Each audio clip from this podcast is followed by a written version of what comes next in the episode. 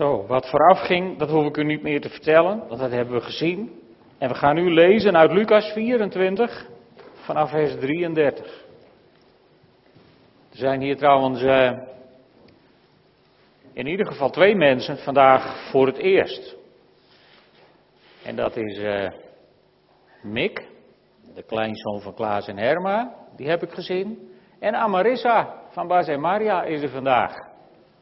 Mooi hè? Ja. Natuurlijk zijn we ook blij dat de ouders er weer zijn. Maar dat het nieuwe leven hier ook in goede welstand is. Geweldig. Hm? En zijn er nog meer mensen voor het eerst? Kan ook voor het eerst. Jij bent ook fris. Welkom bij ons. Gezegende paasdagen zou ik zeggen. Ze zijn uh, wat wit en wat koud. Maar fijn dat je er bent. Goed, Lucas 24, vers 33. De mannen uit Emmaus die zijn terug bij de discipelen. En die uh, stonden dus op, hè, gingen meteen terug naar Jeruzalem, waar ze de elf en de anderen aantroffen, die tegen hen zeiden, de Heer is werkelijk uit de dood opgewekt en hij is aan Simon verschenen. De twee leerlingen vertelden wat er onderweg gebeurd was en hoe hij zich aan hen kenbaar had gemaakt door het breken van het brood. Terwijl ze nog aan het vertellen waren, kwam Jezus zelf in hun midden staan en zei: Vrede, zei jullie. Verbijsterd en door angst overmand, meenden ze een geestverschijning te zien. Maar hij zei tegen hen: Waarom zijn jullie zo ontzet? En waarom zijn jullie ten prooi aan twijfel? Kijk naar mijn handen en voeten. Ik ben het zelf. Raak me aan en kijk goed, want een geest heeft geen vlees en beenderen zoals jullie zien dat ik heb. Daarna toonde hij hun zijn handen en zijn voeten, omdat zij het van vreugde nog niet konden geloven en stom verbaasd waren, vroeg hij hun, hebben jullie hier iets te eten? Ze gaven hem een stuk geroosterde vis. Hij nam het aan en at het voor hen op. Hij zei tegen hen, toen ik nog bij jullie was, heb ik tegen jullie gezegd dat alles wat in de wet van Mozes en bij de profeten en in de psalmen over mij geschreven staat, in vervulling moest gaan. Daarop maakte hij hun verstand ontvankelijk voor het begrijpen van de schriften. Tot zover. Het is kennelijk een, eh, een menselijk trekje om, uh, om bang te zijn als de levende Jezus zich werkelijk aan je openbaart. Hetzelfde geldt als de Heilige Geest zich openbaart door een van de uitingen van de Heilige Geest, zoals ze in 1 Korinthe 12 genoemd worden. En, en vaak zijn ook christenen dan door angst overmand of op zijn minst ten prooi aan twijfel. Is dit wel van God? Of zou het niet zus? Of zou het niet zo? Nou, zou is het ook hier met de discipelen. En hetzelfde gebeurt als de stroom van levend water, die volgens Johannes 7, vers 38 uit iemands binnenste zal vloeien, wat heftiger is dan wij misschien eerst hadden verwacht. Maar Jezus zegt daar, dat er een stroom van levend water uit iemands binnenste zal vloeien. Niet dat er een beekje van levend water uit iemands binnenste zal kabbelen. Dat heeft hij nergens gezegd. En, en, en wij hebben graag controle. En dan zijn wij Nederlanders goed in het beheersen van rivieren en waterstromen. Daar zijn we wereldberoemd om. Maar de stroom van levend water die Jezus aankondigt, die gaat onze grenzen ver te boven. Je kunt de geest je kunt de kracht van de opgestane Heer niet indammen. Want het is de opstandingskracht waardoor Jezus opstond uit de dood. De ultieme scheppingskracht, diezelfde kracht waarin God aan het begin van alle tijden zei, er zij en het was er. Diezelfde kracht, die maakte dat Jezus kon opstaan uit de dood. En die kracht, ja, die kun je niet kanaliseren. Je kunt wel zeggen, nou sorry, maar dat wil ik liever niet. Maar wie, welke, welke christen wil zonder de opstandingskracht van Jezus in het leven staan? Het leven is volstrekt hopeloos en hulpeloos geworden. Als je de opstandingskracht van Jezus niet kent in je persoonlijke leven. Dat is zo belangrijk om die kracht in je binnenste te hebben. En, en, en misschien snap je dat niet altijd, misschien begrijp je dat niet altijd, maar het is een grote genade Dat Jezus bereid is ons verstand aan te raken en ontvankelijk te maken voor het begrijpen van de schriften. Ik vind dat zo'n mooi zinnetje altijd in Lucas. Dat Jezus niet denkt van nou, zoek het uit en, en, en, wat zijn jullie onnozel en waarom snappen jullie het allemaal niet? Maar dat Jezus zegt, ja, weet je wat, ik zal je even helpen. Ik zal jouw verstand ontvankelijk maken voor het begrijpen van de schriften. Kennelijk zijn de schriften zo belangrijk dat Jezus die moeite neemt.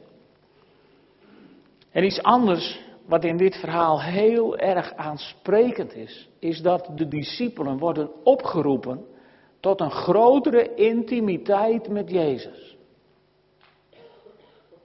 Jezus zegt niet tegen zijn discipelen, nou lees veel over mij in de Bijbel en probeer erachter te komen. Jezus zegt tegen zijn discipelen, als hij zijn handen voor hen uitstrekt, dan zegt hij, kom maar wat dichterbij. Kom maar, voel maar, raak me maar aan. Voel dan. En even later zegt hij, kijk dan toch. Dat is het thema van deze preek vanochtend. Kijk dan toch.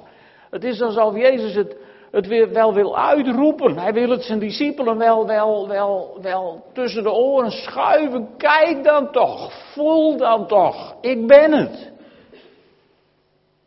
Met die, met die urgentie benadert hij zijn discipelen. Het lijkt een beetje op wat God doet met de profeet Jeremia in Jeremia 33, vers 3. Waar God zegt, roep mij aan en ik zal je antwoorden. Ik zal je grote en wonderlijke dingen bekendmaken. Dingen die je volkomen onbekend zijn. Dat zongen we vroeger. Weten jullie dat? De ouderen onder ons, weten jullie dat nog? Dat zongen we als een opwekkingsliedje. Roep mij toch aan en ik zal u voortaan. Kennen, kennen jullie dat? Wie kent het allemaal? Zouden we dat a cappella kunnen zingen? Vast wel. Roep mij toch aan en ik zal u voortaan groot en machtige dingen doen zien, waarvan gij niet weet.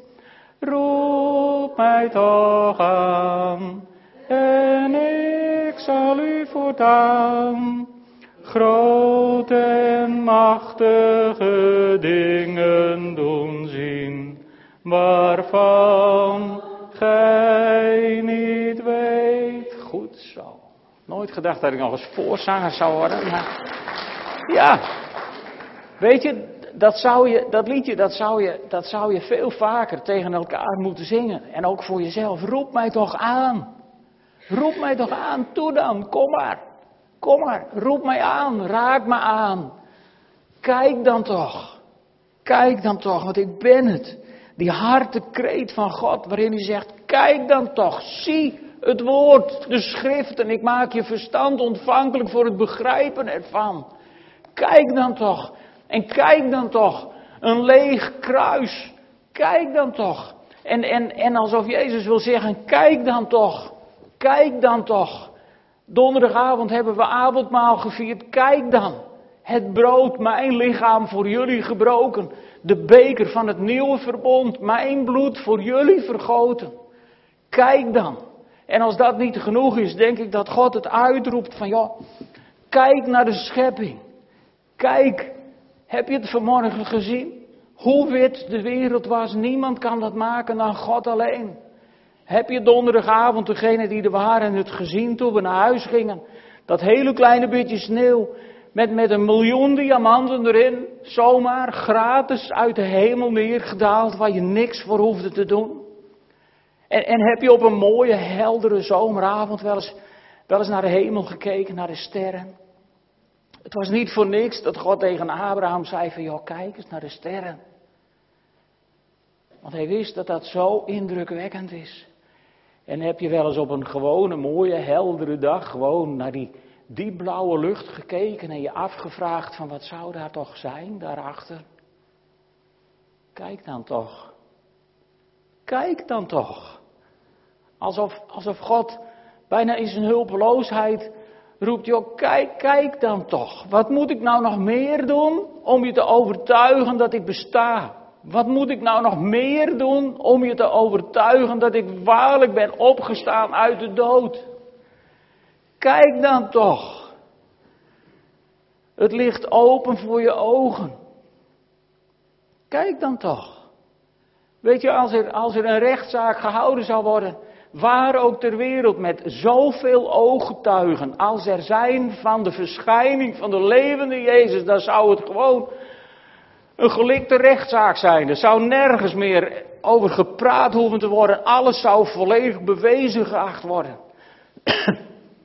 En God me roepen, kijk dan toch. En heel veel mensen op deze wereld het kennelijk niet zien. Het is werkelijk onbegrijpelijk. Kijk dan toch. Weet je, leven uit de bron is alleen mogelijk als je God aanroept. En als je in intimiteit dicht bij Jezus durft te komen en durft te voelen aan zijn handen. En durft te voelen aan zijn lijf, werkelijk, Jezus bestaat echt. En als je, als je durft te zien in het woord, met open ogen, geleid door de geest van God. En als je tegen de geest van God durft te zeggen, als u iemand nodig hebt om, om, om iemand te bemoedigen of iemand aan te raken of iets voor iemand te doen, hier ben ik, neem mij dan maar. Gebruik me hier. Kijk dan toch. Dan ga je dingen zien die je nog nooit gezien hebt en dingen beleven die je nog nooit beleefd hebt. Maar weet je, het begint met geloven.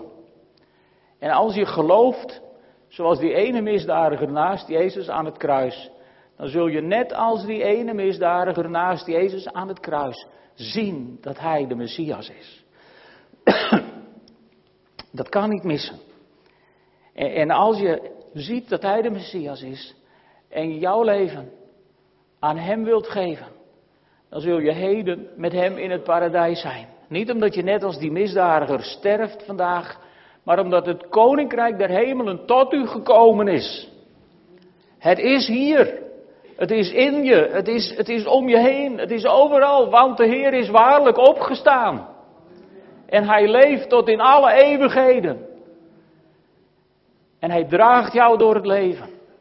Hoe je leven er ook uitziet en wat je misschien ook is overkomen of zal overkomen. Hij draagt je erdoor. Hij heeft gezegd, ik ben met je tot aan de volleinding der wereld. Hij leeft. Hij, hij leeft. Jullie kijken allemaal zo ernstig naar mij, maar hij leeft. Dan zou je voor op de stoelen mogen klimmen en het uitschreeuwen van vreugde. Hij leeft. Kijk dan toch. Hij leeft. En weet je, als je gelooft, dan maakt de geest je verstand ontvankelijk om te begrijpen. En dan zul je met eigen ogen zien wat Jezus bedoelt als hij het zo hartstochtelijk uitroept. Kijk dan toch. Dan ga je zien wat Pasen werkelijk betekent. En, en ik ga er niet meer over zeggen. Maar ik zal jullie de schriften laten zien. Kijk dan toch. Ik ga een eind met jullie lezen. Uit Hebreeën. Hebreeën 8 en ik begin bij vers 1. En hou dit voor ogen, hou dit in je gedachten. Die oproep van Jezus, kijk dan toch. Kijk eens wat hier staat. Paulus zegt, tenminste ik neem aan dat Paulus het geschreven heeft. De kern van mijn betoog is dat wij een hoge priester hebben die in de hemel plaatsgenomen heeft aan de rechterzijde van de troon van Gods majesteit. Dus net als Prinsjesdag zit er iemand rechts van de koningin. Daar zit Jezus in de hemel. Zo'n mooie stoel. En die de dienst vervult in het ware heiligdom, de tent die door de Here en niet door mensenhanden is opgericht. Iedere hoge priester wordt aangesteld om gaven en offers op te dragen en dus heeft hij ook iets nodig dat hij kan opdragen. Op aarde zou Jezus geen priester zijn, want daar zijn al priesters die offergaven opdragen, zoals de wet dat voorschrijft. Ze verrichten hun dienst in wat de afspiegeling en de voorafschaduwing is van de hemelse heiligdommen, zoals die aan Mozes geopenbaard werd, toen hij begon met het oprichten van de tabernakel. Let erop, staat er immers, dat je alles vervaardigt volgens het ontwerp dat je op de berg getoond is. Maar Jezus is dus aangesteld voor een eerbiedwaardiger dienst. In die zin dat hij bemiddelaar is van een beter verbond. De beker en het brood, weet je nog? Dat zijn wettelijke grondslag heeft verkregen in betere beloften. Zou het eerste verbond zonder gebreken zijn geweest, dan zou er geen tweede voor in de plaats hebben hoeven komen. Maar God berispt zijn volk met de woorden: De dag zal komen, spreekt de Heer, dat ik een nieuw verbond zal sluiten met het volk van Israël en met het volk van Juda. Niet een verbond zoals ik dat sloot met hun voorouders toen ik hen bij de hand nam om hen weg te leiden uit Egypte, want aan dat verbond zijn ze niet trouw gebleven. Daarom heb ik mijn handen van hen afgetrokken, spreekt de Heer. Maar dit is het verbond dat ik in de toekomst met het volk Israël zal sluiten, spreekt de Heer. In hun verstand zal ik mijn wetten leggen en in hun hart zal ik ze neerschrijven. Dan zal ik hun God zijn en zij zullen mijn volk zijn. Volksgenoten zullen elkaar niet meer hoeven onderwijzen. Men zal elkaar niet meer hoeven te zeggen, ken de Heer, want allen zullen mij kennen, van klein tot groot. Ik zal hun wandaden vergeven en aan hun zonden niet meer denken. Op het moment dat hij spreekt over een nieuw verbond, heeft hij het eerste als verouderd bestempeld. Wel nu, wat verouderd is en versleten, is de teloorgang nabij.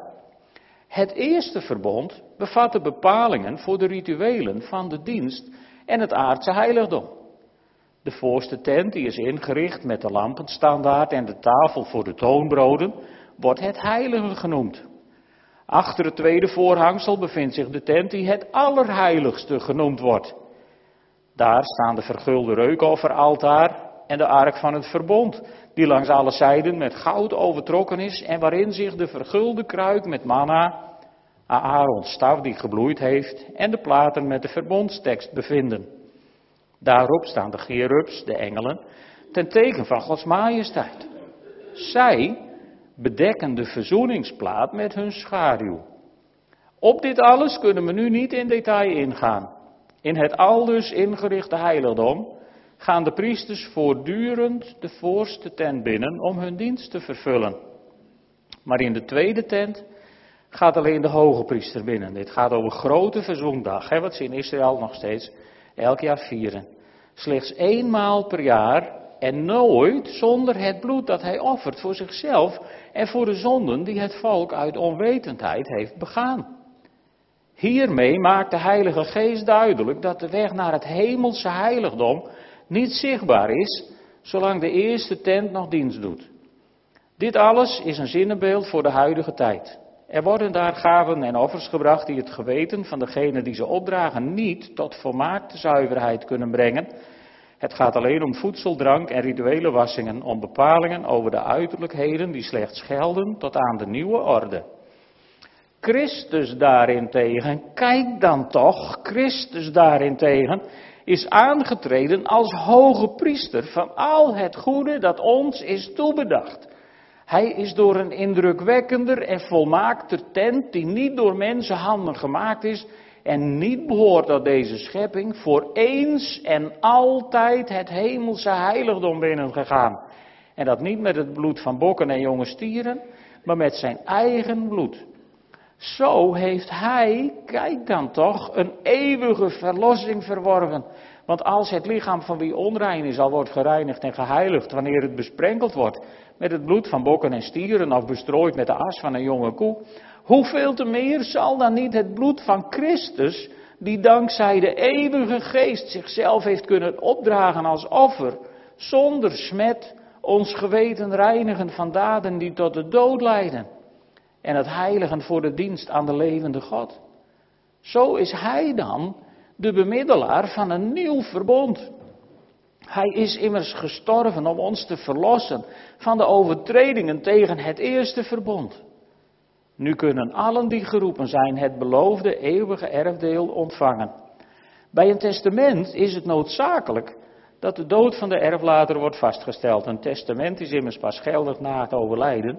Het heeft geen rechtskracht wanneer de erflater nog leeft. Daarom is ook het eerste verbond niet zonder bloed ingewijd.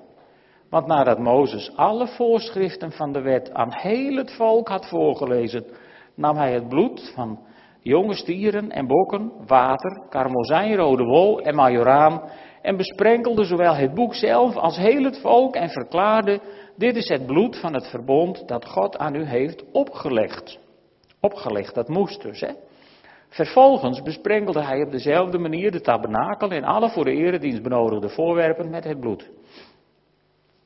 Volgens de wet wordt inderdaad vrijwel alles met bloed gereinigd. Want als er geen bloed wordt uitgegoten, vindt er geen vergeving plaats.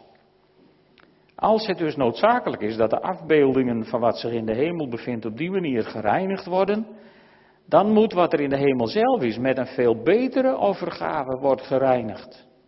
Christus is immers niet binnengegaan in een heiligdom dat door mensenhanden is gemaakt, in de voorafbeelding van het hemelse heiligdom, maar in de hemel zelf. Waar hij nu bij God voor ons pleit. Mooi hè?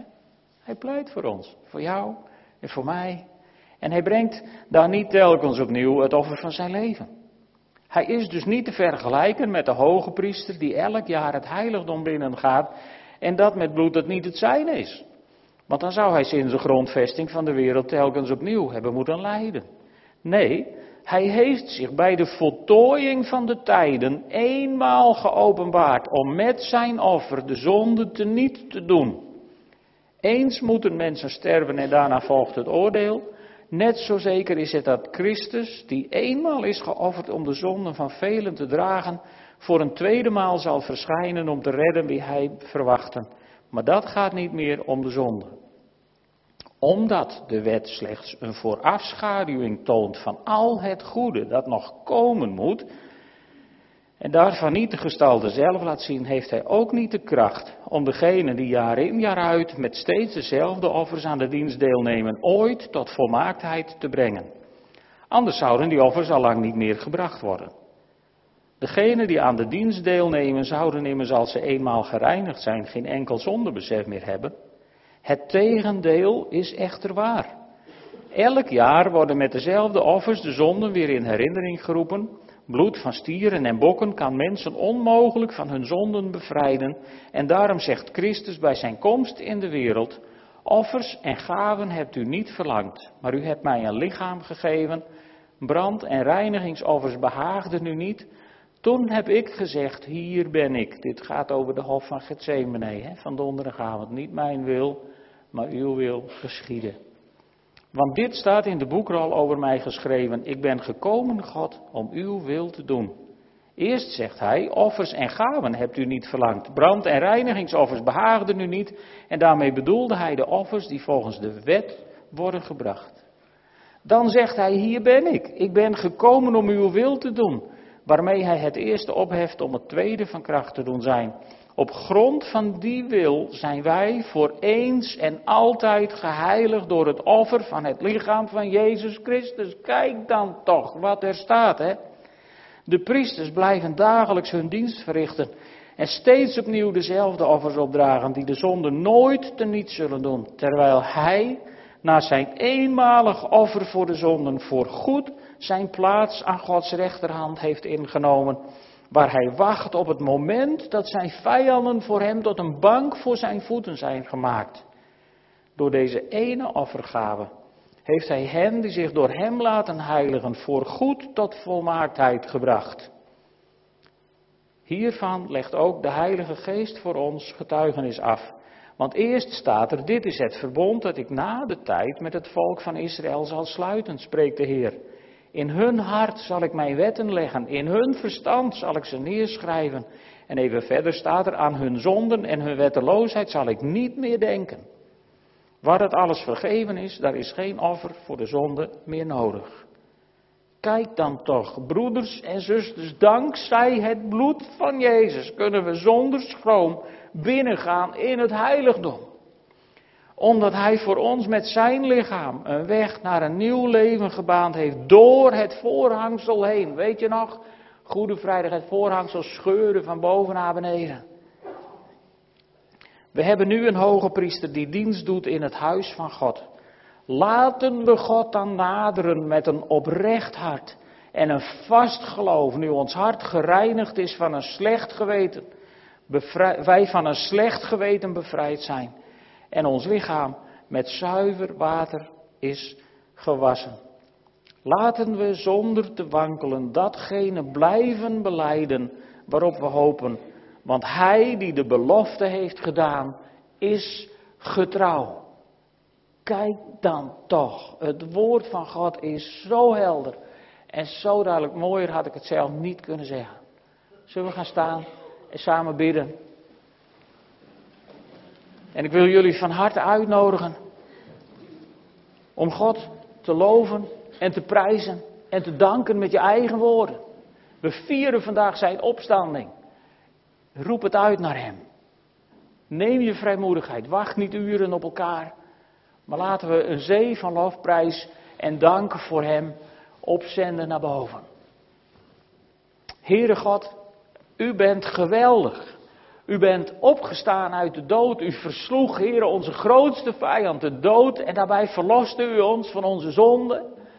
Heere, dank U wel dat U de vrijmoedigheid nam om dat ultieme heiligdom binnen te gaan. En met uw eigen bloed ons voor goed te reinigen. Halleluja.